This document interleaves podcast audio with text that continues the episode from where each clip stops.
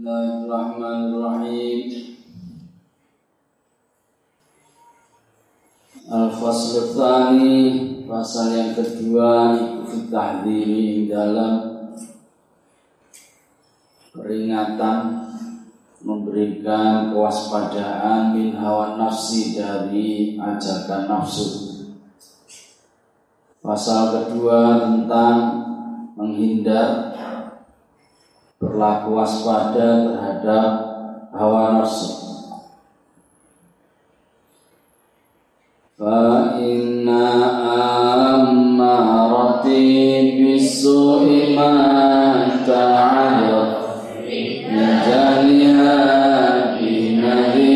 syaibi wa Fa inna ammarati monggo sak temene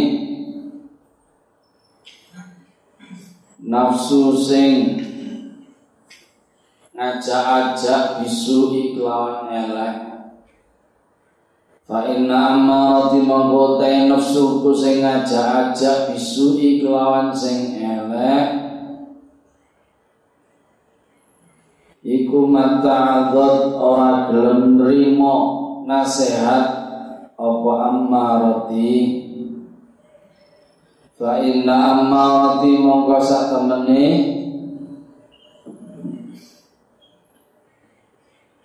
Nafsuku sing ngajak-ajak bisu iklan perkara elek iku mata'adzat ora gelem. Terima nasihat apa ammarah min jahliha sebab budune ammarati Tidak taunya ammarati binadhir syaibi kelawan peringatan ubah peringatan oleh uban wal harami dan ketuaan. Sungguh sebab kebodohannya nafsu amarahku tidak mau menerima peringatan uban dan ketuaan. Sungguh sebab kebodohannya nafsu amarahku nafsu yang mengajak kepada kejelekan tidak mau menerima peringatan ubah dan ketua. Secara-secara sudah kita membahas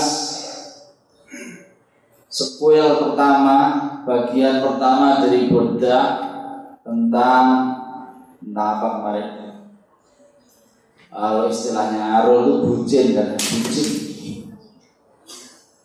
Bucin ya loh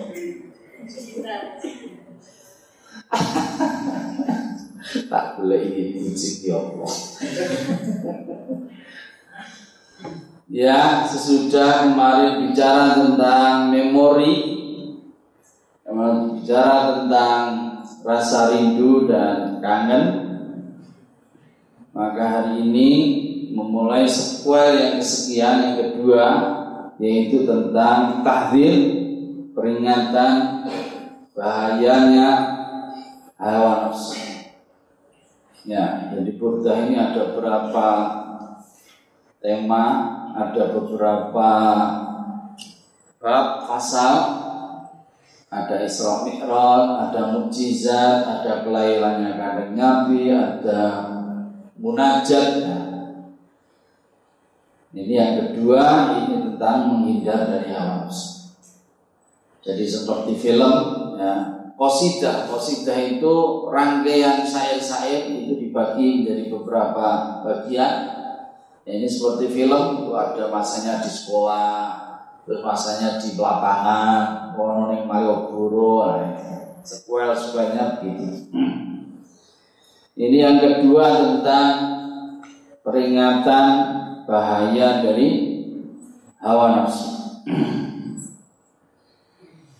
Sesudah Musonef menyatakan keengganan menerima nasihat dan peringatan dari ubat, ternyata penyair menyadari kesalahannya. Dari mana kita tahu bahwa penyair menyadari kesalahannya? Dari beliau menganggap bodoh apa yang dilakukan oleh hawa nafsunya min jahliya jadi dia sudah mencela dirinya sendiri ya berarti dia sudah menyadari kesalahannya, menyadari kekurangannya. Hmm, bagaimana mungkin dia menolak nasihat dari hawa dari uban, dari uban yang ada di kepalanya. Padahal ini sesuatu yang jujur, sesuatu yang mengingatkan kita dan tulus mahattanin nusha dan seterusnya lain. Jadi dia menyebut apa yang ada dalam dirinya awal nafsunya itu sebagai sesuatu yang bodoh karena melalaikan atau mencueki peringatan dari ubah. Saya rasa apa yang disebut dengan nafsu, ya ada dua istilah nafsu yang sering kita dengar. Yang pertama nafsu ini Imam Ghazali ngendikan yang pertama nafsu ini artinya jiwa. Ya. Kalau jiwa, nafsu ini jiwa, berarti nafsu ini adalah intinya manusia. Sebab manusia itu terdiri dari jiwa, raga. Ya. Jadi itu jadi jiwa itu esensi. Jauhar Jauhar itu inti, substansi. Ya. Ada arat, ada jauhar. Kalau orang yang filsafat, arat, arat itu ada lainnya, ada penampilannya. Ya. Jauhar itu intinya. Ya. intinya manusia itu adalah di dalam jiwanya. Nah, itu yang pertama. Orang sering bilang jiwa itu maksudnya adalah uh, hal yang terdapat, hal yang merupakan inti dari manusia. Yang kedua orang bilang nafsu itu maksudnya adalah hawa nafsu. Ini beda ya. Jadi nafsu yang ke, yang kedua yang sering diomongkan orang itu maksudnya adalah hawa nafsu. Ya. Nah nafsu dalam pengertian yang kedua ini adalah potensi yang ada dalam diri manusia. Jadi nafsu dalam pengertian yang kedua ini bukan nafsu dalam pengertian jiwa, beda. Jadi nafsu di sini artinya potensi. Potensi yang ada dalam diri manusia dan itu potensi yang mengajak kita untuk makan, bilang lapar, bilang pengen bekerja, pengen bergerak, pengen melihat, pengen ini potensi nafsu. Dan inilah uh, kita ini yang membedakan kita dengan malaikat. Malaikat gak punya nafsu, ya. Malaikat gak punya nafsu. Nah, kita ini ada nafsu. Ya, melana mau nafsu sehingga nah itulah terjadi pergumulan di sini. Itulah menariknya manusia. Ya.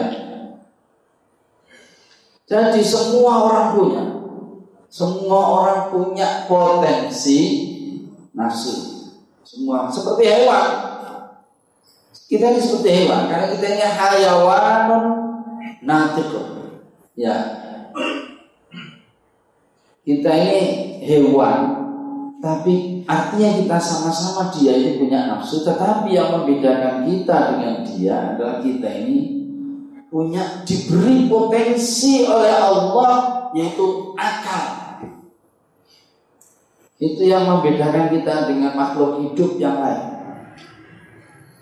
Jadi sama-sama punya nafsu, tetapi kita diberi potensi lain yang disebut akal. Yang hebatnya akal itu adalah kemampuan berpikir, kemampuan mendialogkan apa yang menjadi nafsunya dengan yang lain. Apa kemungkinan-kemungkinannya? Ini namanya akal. Ya. Dan inilah hebatnya manusia. Jadi punya potensi akal, potensi berpikir. Sama lihat kopi, sama enak kopi ini. Kepengen kopi, pengen kopi ya? Pengen. Tapi mikir, sama nafsu itu kepengen sama pikir. Nah ya nek tapi tahu bisa ini hal itu juga guyu sak ini akeh gitu. Nanti mungkin tuh ngaji lah mungkin nek isi. Tapi kan inilah sebenarnya ya terjadi pergumulan di dalam diri kita. Ya. Jadi ada nafsu. Sama lihat tempe 2 3 4 tempe. Sudah makan satu. Aduh, kok kayaknya enak sekali. Padahal jatahnya cici. Ya. Ini tempe ini gimana? Sama mikir. Di situlah sama berpikir. Di situlah pergumulan antara nafsu dan apa? Di sinilah hebatnya manusia. Hmm. Dan secara nafsu ya ada orang membagi banyak hal ya. Nafsu ada beberapa, tetapi saya ingin eh, menjelaskan di sini keadaan nafsu. Keadaan nafsu yang kita miliki masing-masing kita kemungkinannya itu ada tiga. Yang pertama yang disebut di dalam bait kita ini Nafsu yang pertama adalah nafsu ammar, ammar.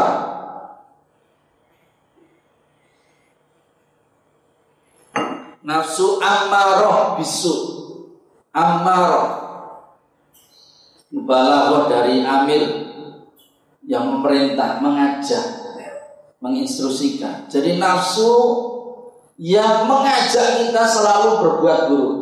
Ammar bisu. Ya, nafsu ammar bisu. Yang mengajak manusia pada hal-hal yang buruk. Ya.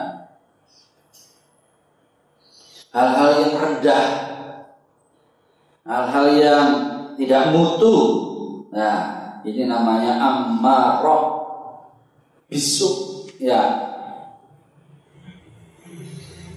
disebut di dalam Quran A'udzubillahi minasyaitonirrajim wa ma nafsi innan nafsa ammaratun bisu. Ya.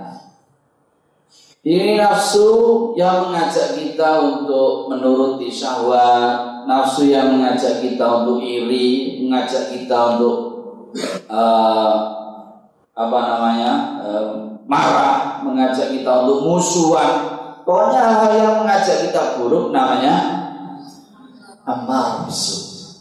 Ya, keadaan yang kita eh, kadang dikuasai oleh begini ini nafsu yang begini ini nafsu amarah bisu. Yang kedua secara nafsu yang disebut nafsu lawam. Nafsu lawam seperti dalam Quran la uqsimu biyaumil qiyamah wa la uqsimu bin nafsil lawwamah ya apa yang disebut nafsu lawwamah itu potensi manusia yang belum stabil yang berubah-ubah yang kadang patuh kadang delewer kadang manut kadang maksiat, kadang eling, kadang lali, kadang delewer gitu. Oleh karena itu dia menyebut diri yang nafsu lawa. Kenapa lawa? Tukang mencela. Dia mencela dirinya terus. Mencela ya Allah lah mono ya tak lakoni, menyesal. Ya, lawa. Dia mencela dirinya karena kadang sadar ya Allah kayak gitu kok tak lakoni. Nah, ini karena itu lawamah. Ya.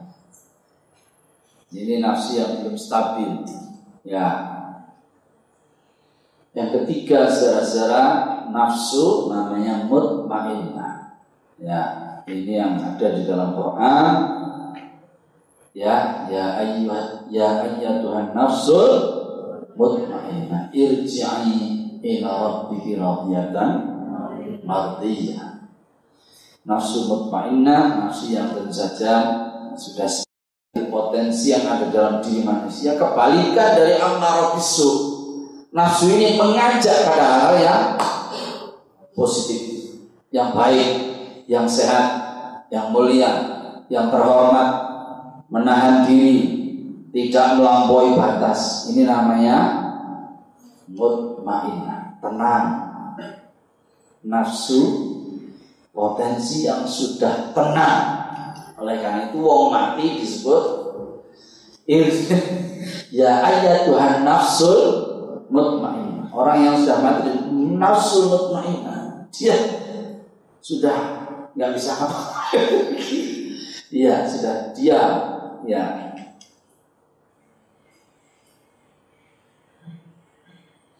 Inilah saudara-saudara eh, tiga keadaan nafsu yang kita semua kita semua itu barangkali adalah dalam ketiga ketika nafsu. Mari kita lihat diri kita masing-masing apakah kita ini dominannya amarah atau dominannya lama atau alhamdulillah sudah sampai tiga Ini yang harus kita lihat. Ya. Kalau orang sudah bisa sampai di tingkat mutmainnah, sudah istiqomah di situ luar biasa. Ya. Ini dan ini mungkin kita capai semuanya, bukan sesuatu yang tidak mungkin ya. Dan itulah secara hebatnya kita sebagai manusia kalau kita bisa menguasai nafsu kita. Paham? Jadi nafsu ini ada terus. Sesuatu yang terdapat ada dalam diri kita. Jadi gak mungkin dihilangkan, gak mungkin dimusnahkan. Yang mungkin adalah dikendalikan. Yang mungkin adalah dikuasai. Ini namanya nafsu kita. Tidak bisa dihilangkan. Ya. Dan orang yang menguasai nafsu itu disebut kalau kanjeng Rasul Muhammad SAW menyebut orang ini orang yang pintar. Nabi ngendikan al kayyisu man dana nafsahu wa amila lima ba'dal maut. Orang yang pintar, orang yang mampu mengendalikan dirinya, orang yang mampu memanage dirinya. Wa amila lima ba'dal maut dan dia berkarya untuk masa depannya untuk sesudah kematiannya. Orientasinya apa yang dia lakukan hari ini, orientasinya nanti akhir. Ini orang yang pintar.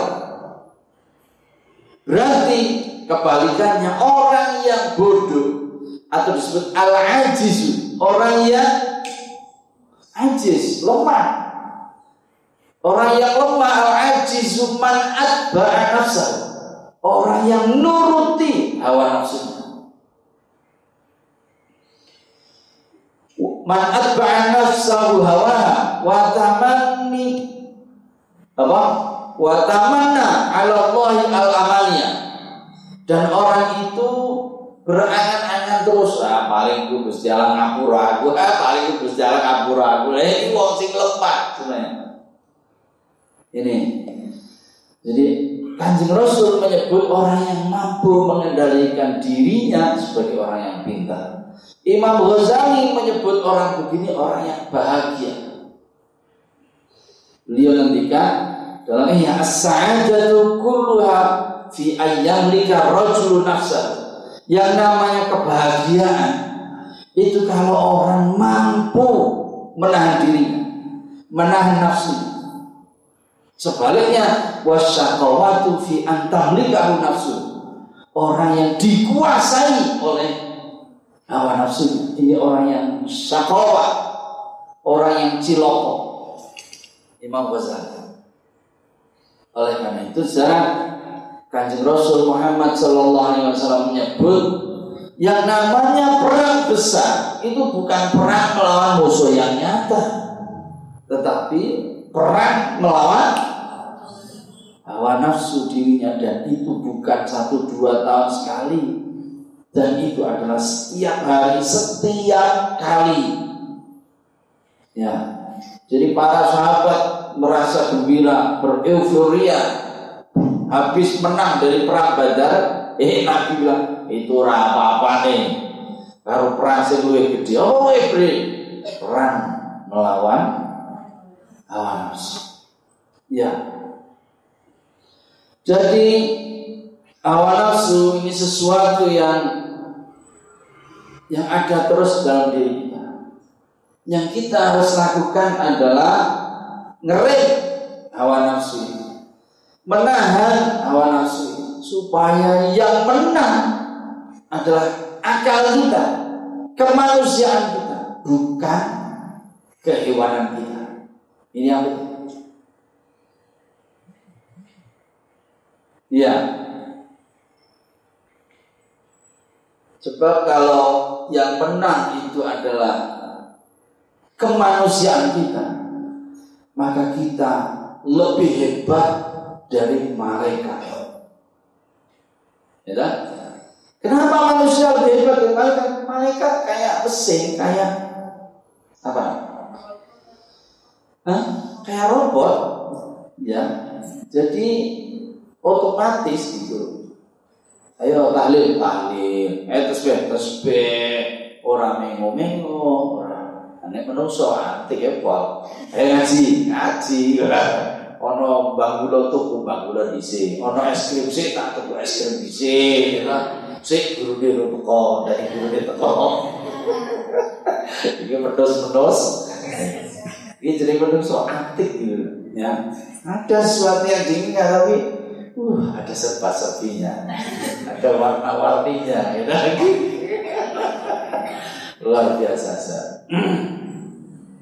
Sebaliknya, kalau manusia kalah dengan hawa nafsu, dia justru dikuasai oleh nafsunya, dia bisa lebih buruk dari binatang. Jadi kita ini sesama hewan, sesama makhluk hidup sesungguhnya setara. Ya Tetapi saat hawa nafsu itu menguasai kita, kita justru lebih buruk dari itu. Perhatikan, ini serius. Mari kita lihat manusia kita, kita diri kita yang luar biasa. Jeleknya kita Kita lihat sama lihat nggak National Geographic itu apa e, singa menerkam apa macan makan apa hiu makan apa ya singa makan kijang makan ya sudah. Kalau sudah dapat satu sudah dua hari tiga hari dia nggak nggak mangan nih, pangan nih, itu kalau singa. Hiu juga gitu, paus juga gitu. Sudah makan kalau es, mau, oh no, lu baru ya sekarang itu, eh, ada lo ya, ah sepok, marah. Ini kalau hewan teman kita juga makhluk hidup. Tapi dengan manusia luar biasa. Dia tidak cukup dengan kita satu ya. Dia tidak cukup berasnya sekilo dia perlu berasnya itu tiga ton. Padahal butuhnya berapa kilo, nah itu untuk berapa pekan, gitu. Dia nggak mau. Dia sebenarnya cukup sawah itu cukup satu, dua petak cukup, tapi dia nggak mau. Dia bukan hanya khawatir terhadap dirinya, dia khawatir terhadap anaknya, dia khawatir terhadap cucunya, dia dan selesai dan selesai terus luar biasa. Ya Sudah cukup mamanya punya sepatu, sepatu apa sih? Sepatu apa sih apa? Nikel mana nikel? Adidas ya. Sudah. Itu ada gaya baru lagi. Apa? Model baru. Ah ini mah wes. Ojo model ya. Tiga gue yang mampu. ya, manusia. Ya ya kan? ini mohon maaf ya kalau sudah begini ini manusia dikuasai oleh nafsu paham ya? Inilah bedanya kita dengan sesama makhluk hidup kita ini lebih parah. Ya. So kadang yang kita makan itu bukan sekedar nasi. Kalau singa, kalau ini makannya dia oke lah. Makannya itu daging sudah. Kalau kita bukan hanya nasi yang kita makan itu ya aspal, kadang ya beton, kadang ya minyak, Ya Allah. Kadang bahkan ya kita makan racun, kadang kita makan. Sehingga gara-gara kita tidak amanah itu bumi itu menjadi abiar cari ini iya biji kepot. Jadinya abiar karena apa kita nggak melihat ini sebagai sebuah keharmonisan alam kita membuang sampah seenaknya tidak mikir menjadikan aliran sungai sebagai tempat pembuangan. Nah itu gimana? Tidak mikir kita tidak tidak berpikir. Kita maunya itu hanya nafsunya ya buang-buang saja. Ini sah, ya. Inilah yang harus kita lihat ya dalam diri kita apa yang menjadi peringatan dari Imam Busiri hari ini terkait dengan penguasaan nafsu ini penting sekali. Sebab seperti katakan Rasul, seperti Imam Ghazali, orang yang mampu menguasai diri, orang yang bahagia atau orang yang cerdas. Berarti sebaliknya orang yang dikuasai dirinya dikuasai oleh nafsunya. Kenapa? Karena nafsu itu bagian, tuh bagian dari dirinya. Mestinya dia ini bisa bisa menguasai tul ini. Bukan waktunya mohon maaf hari ini kita lihat semua orang punya handphone dan semua semua orang senang dengan WA ya. Opo-opo dibuka, opo-opo dibuka, serius dibuka, ya Allah. Mohon maaf itu ya Allah. Siji. ya itu pakai boleh lah Facebook lah, apa sih? Instagram lah, enggak apa-apa. Lu dibuka, semua dibuka. Ini kan bukannya itu menghilangkan kita daya cerdas kita, karena kita dikuasai. Ini sah. Boleh punya itu boleh, sama dengan punya sepatu boleh, punya sepeda motor boleh. Tapi jangan sampai itu tuh kuasai kita, kita lah yang kuasai dia. Ini namanya orang yang beda. Mari kita lihat ini. Nah, mari kita lihat. ya, wala a'addat minal ya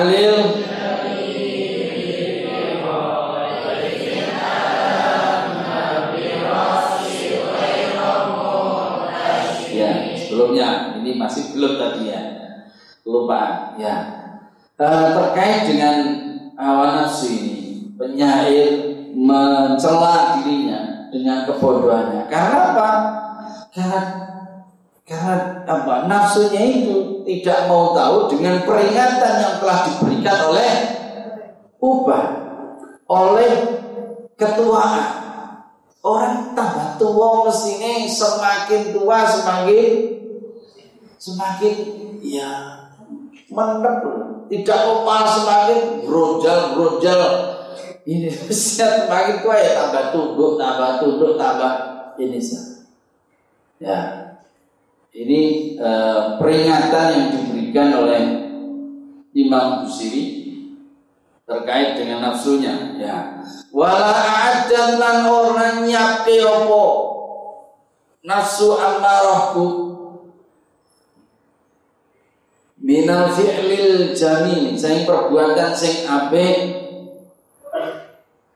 minal fi'lil jamil sing perbuatan sing ape Lira dhaifin. Ing suguhan tamu. Lira dhaifin ing suguhan tamu. Alama yang teko apa tamu datang apa tamu biroksi di kepalaku di rambutku Ghaira muhtashimin. Hale ora, hale ora duwe isin hale orang duwe isin wala a'addan lan ora nyiapke apa nafsu minal fi'li saking perbuatan al jamili kan ape iradifin ing suguhan tamu. Alama yang alama yang ada datang berdiam apa tamu birosi di kepalaku ghairu muhtasimin hale ora duwe Nafsuku juga tidak menyiapkan diri dengan baik guna menyambut dan menjamu tamu yang ada di kepalaku tanpa rasa malu. Ya. Yang pertama saudara-saudara, Imam Busiri mencela nafsunya. Kenapa? Apa yang dicela dari nafsunya? Yang dicela Imam Busiri yang pertama adalah nafsunya itu tidak mau tahu, tidak mau mendengarkan nasihat, tidak mau menerima peringatan dari ubah. Ya, artinya yang pertama nafsunya itu nafsu yang apa namanya cuek, tidak mau menerima peringatan. Ya, yang kedua saudara, yang ada dalam ini Penyair menganggap buruk nafsunya Karena? Karena dia tidak menyiapkan dirinya dengan perbuatan yang baik. Perbuatan yang baik, perbuatan yang sesuai dengan syariat, perbuatan yang memberikan menambah kualitas ini namanya fi'il jamil Saudara-saudara tadi eh, pada sebelumnya Imam Busiri menyebut uban nah sekarang beliau menyatakan uban itu dengan kata dengan sebutan dengan istilah tamu nah.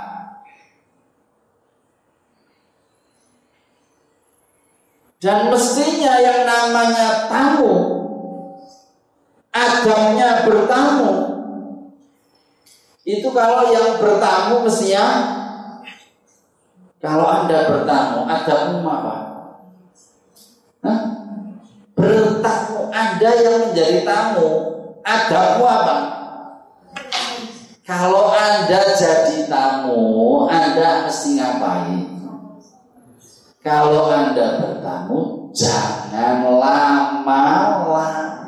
Bertamu itu sebentar, sedah, dah, dah, dah, Itu namanya adab. Apa sih jadi kepentingan wes wes mulia kok jangan dong Ya lah, nek Anda bertamu, Anda mestinya cepat pulang. Kalau sudah sama dengan kalau ubah itu dianggap sebagai tamu, tandanya apa? Wong sing wis ana ubane mestine sing luwih cepet mati nih gitu loh. Wong sing wis cepet ubane lho iku ini. Mestine sebagai tamu ubah itu tidak berlama-lama di kepala. Mestinya dia memberi tanda nek jadi tamu sing cepet ya mestine nek orang kuwi cepet Orang bisik yuk ojo suwe-suwe maksudnya ini berubah ya. Iku wong ki wis meh cepet mati. Artinya wong wis ngono kuwi kudu ngrasa ya. Ngrasa nek dekne wis tuwa. Nek wis tuwa mestine dekne mempersiapkan dirinya melakukan hal-hal yang baik minal fi'lil jamili untuk apa? Kira Menyambut itu tadi. Menyambut uban. Menyambut tamu. Maksudnya tamu.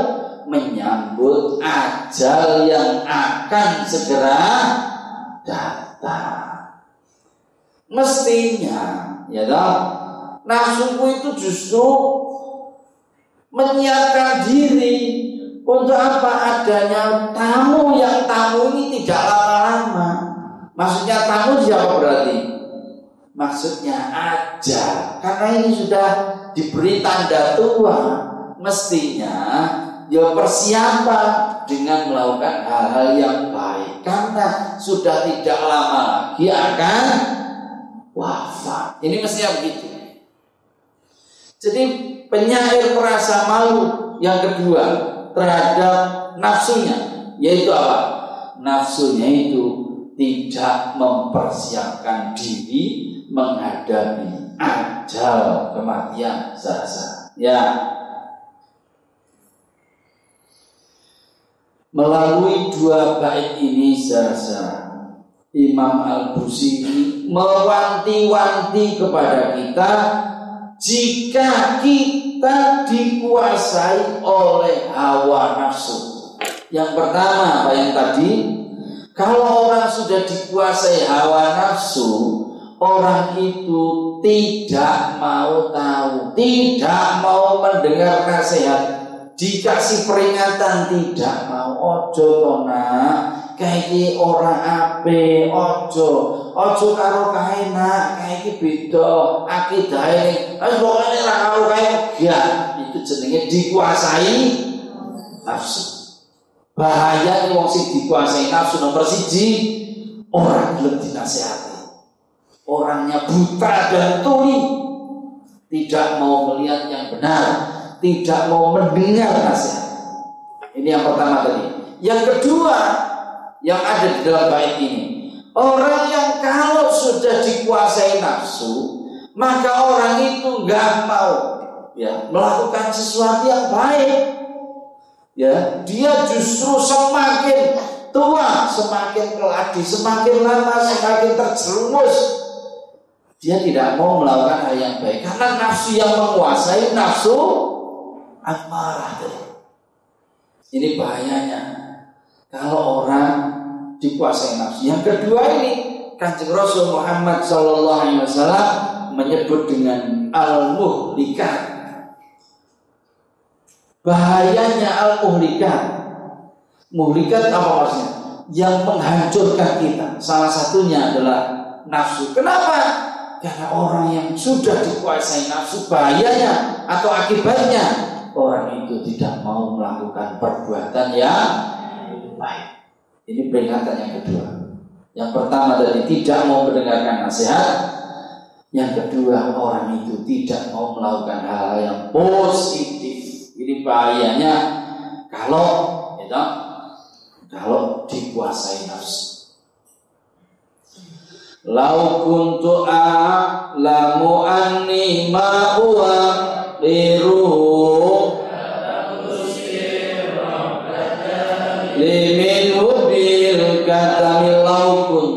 lamun ngerti sapa lamun ono sapa sira iku akla ngerti sapa ini kalau saya tahu seandainya saya tahu ani ing satemene ingsun iku ma'uwaqil tidak menghormati sapa ingsun hu ing tamu. Kalau sejak awal saya tahu saya tidak mau menghormati tamu kata tuh mongkon nutupi sapa ingsun menyimpan menyembunyikan sapa ingsun sirron ing rahasia.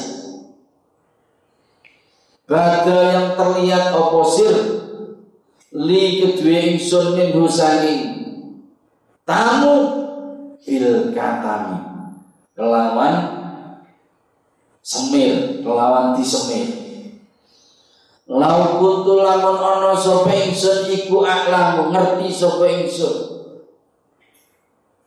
Ani ing satemene ingsun iku ma'uwaqiru. Orang hormati sapa ingsun hu ing tamu katamtu. Maka saya akan menyembunyikan sirron ing rahasia bada yang tanpa apa rahasia li kedua ingsun minggu dari tamu bil katami dengan saya semir. Kalau bahasa bebasnya, jika tahu aku belum bisa atau tidak menghormat tamu dengan baik, tamu yang dimaksud apa ini tamu? Ubah lagi. Jika saya tidak bisa hormat terhadap tamu, tentu aku akan menutupinya dengan cara saya semir rambut saya supaya tidak kelihatan uban saya. Imam Al-Busiri ya menyadari ya bahwa dirinya tidak mengambil perhatian dari nasihat uban, tidak memberikan jamuan yang layak terhadap uban sebagai tamu dengan cara melakukan perbuatan-perbuatan baik. Tampaknya penyair menyadari kesalahannya. Penyair menyadari kelalaiannya. Dia malah berpikir, lah yo nek ngerti ya nek ngerti ana tamu lan aku ora iso ngurmati tamu-tamu ini tak delekke. Jangan sampai ada orang tahu saya punya tamu dan saya tidak menyambut dan menjamu tamu itu dengan baik. Sebab kalau orang punya tamu dan orang ini tidak menjamu dengan baik, terlihat orangnya pelit. Wong pelit ki ngopo?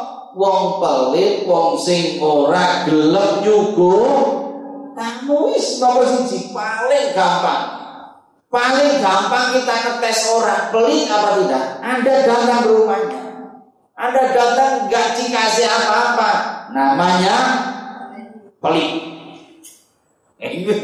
makanya ya, dak, makanya di rumahmu itu sediakan aqua, sediakan jadi belum apa-apa orang sudah dikasih aqua dulu. Ya, mau apa sekedar kasih aqua minimal. Mbak, kopi mbak. Nah, teh mbak. Nah, suguhane mbak. Ya, lah ini kalau ngerti saya nggak mau nyuguh tamu ya saya nggak usah ngomong-ngomong, nggak usah tak perlihatkan. Nanti kalau Orang tahu ah, ada tamunya diamin aja apa kata orang. Saya malu dong. Nah, jadi Imam Busiri menyadari seperti itu. Gini.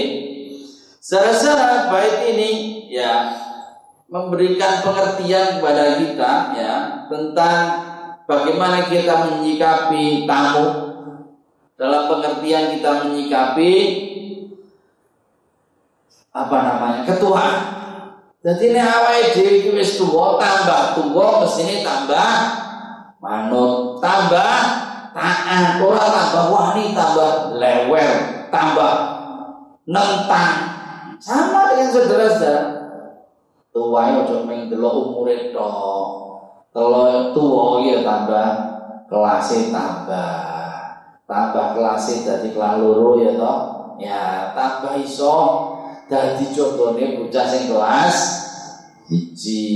Dadi tak kelas telu. Dadi iso nyontoni sing kelas loro, kelas siji bimbing. Ora kok dadi kelas telu malah wegah apa ugal-ugal. Ah, tukang ngono. Kondo karo Ah, duite, duit ku dhisik. Oh. Ya Allah.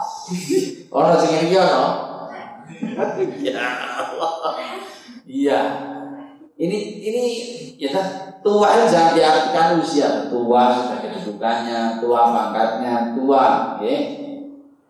Anunya dalam masyarakat, ya strata sosial, ya. Jadi semakin tua usia semakin bisa jadi contoh, bisa semakin dihormati, semakin wibawa. Di antaranya kalau orang itu tandanya adalah punya uban jadi uban itu sesuatu yang mestinya menjadi tanda kewibawaan. Loh, mesti ini loh ya, makanya nggak usah disemir ben. Iya. Suatu ketika kanjeng Nabi Ibrahim alaihissalam, ya, beliau ada uban. Dia tanya, ya Rob, ini apa ini? Kok ini kok rambut yang putih? Allah jawab, ada waqar Oh, itu apa? Oh, itu adalah tanda kewibawaan. Gusti Allah ngendikan uban itu wakor. Apa? Tanda kewibawaan, tanda kehormatan, tambah ono putih berarti tambah terhormat, tambah wibawaan. Jadi kajian Nabi Ibrahim alaihissalam kemudian, ya nek Gusti zidni wakor kula ditambahi ubane putih kabeh. Nabi Ibrahim alaihissalam. Kalau kanjeng Rasul Muhammad SAW menyebut uban itu sebagai cahaya, ya uban itu adalah cahaya. Kanjeng Nabi ngendikan, hmm, tidak. Asyaibu nuri Uban itu adalah cahayaku Jadi kanjeng Nabi menyebut uban adalah cahaya Memberi pengertian apa sih? Memberi pengertian ini peringatan yang baik Dan kalau ini peringatan yang baik Mestinya tidak perlu ditutup-tutupi Gitu loh ini kok masih banyak orang yang wah, supaya kelihatan gagah, kuali. Kalau mau gagah, ketok terhormat, ketok wibawa justru dideloke banyak putihnya. Wah, semakin wibawa itu. Ini makanya ya tabu. iya, ini yang sering banyak keliru loh, nak. Ya. Kenapa? Kalau dengan dia berubah, itu akan mengingatkan dia terus eh ngopo kowe arep ngopo wis tuwa intine oh ya dua arep pengen eh delok banu banu aja koyo cano wis tuwa ini kan dia tak bisa ya jadi secara-secara eh, tiga bait ini memberikan pengertian kepada kita bagaimana Imam Busiri memberi peringatan kepada kita bahayanya hawa nafsu agar kita menjadi orang jangan sampai kita ini dikuasai hawa nafsu. Karena nafsu itu sesuatu yang internal ada dalam diri kita, ya. Dan pergulatannya itu terus menerus supaya anda punya ya tak, pilihan, punya ikhtiar diarahkan mendapatkan nafsu-nafsu yang baik, nafsu yang mutmainnah. Maka sampean dipondokkan di sini. Supaya apa sampean mendapatkan teman-teman yang baik, mendapatkan bacaan-bacaan yang baik, mendapatkan guru-guru yang baik, mendapatkan lingkungan-lingkungan yang baik. Ini saya Sebab kalau kita ini di luar ada dalam lingkungan-lingkungan yang kita belum kuat menahan diri kita dari nafsu dan justru akibatnya kita di, apa, dikuasai oleh nafsu ini bahaya. Ini. Jadi secara bersyukurlah ya Anda ada di sini dan Anda di lingkungan yang baik. Anda bersama teman-teman yang baik. Yang semoga dengan itu ya kita semua diarahkan nafsu kita ini menghindar dari amarah bisu menjadi nafsu yang berbahaya, nafsu yang baik. Ini tentu karena itu tadi ada teman, ada guru, ada bacaan, ada lingkungan sehingga kita apa-apa itu uh, diingatkan, diingatkan, diingatkan. Ini, ini saya kira secara pentingnya kita hati-hati ya kita waspada terhadap ajakan nafsu yang ada dalam diri kita. Insya Allah besok kita lanjutkan bagaimana kita mengupayakan menahan diri dari hawa nafsu kita. Insya Allah besok kita lanjutkan. Naftatim ilhamdulillah.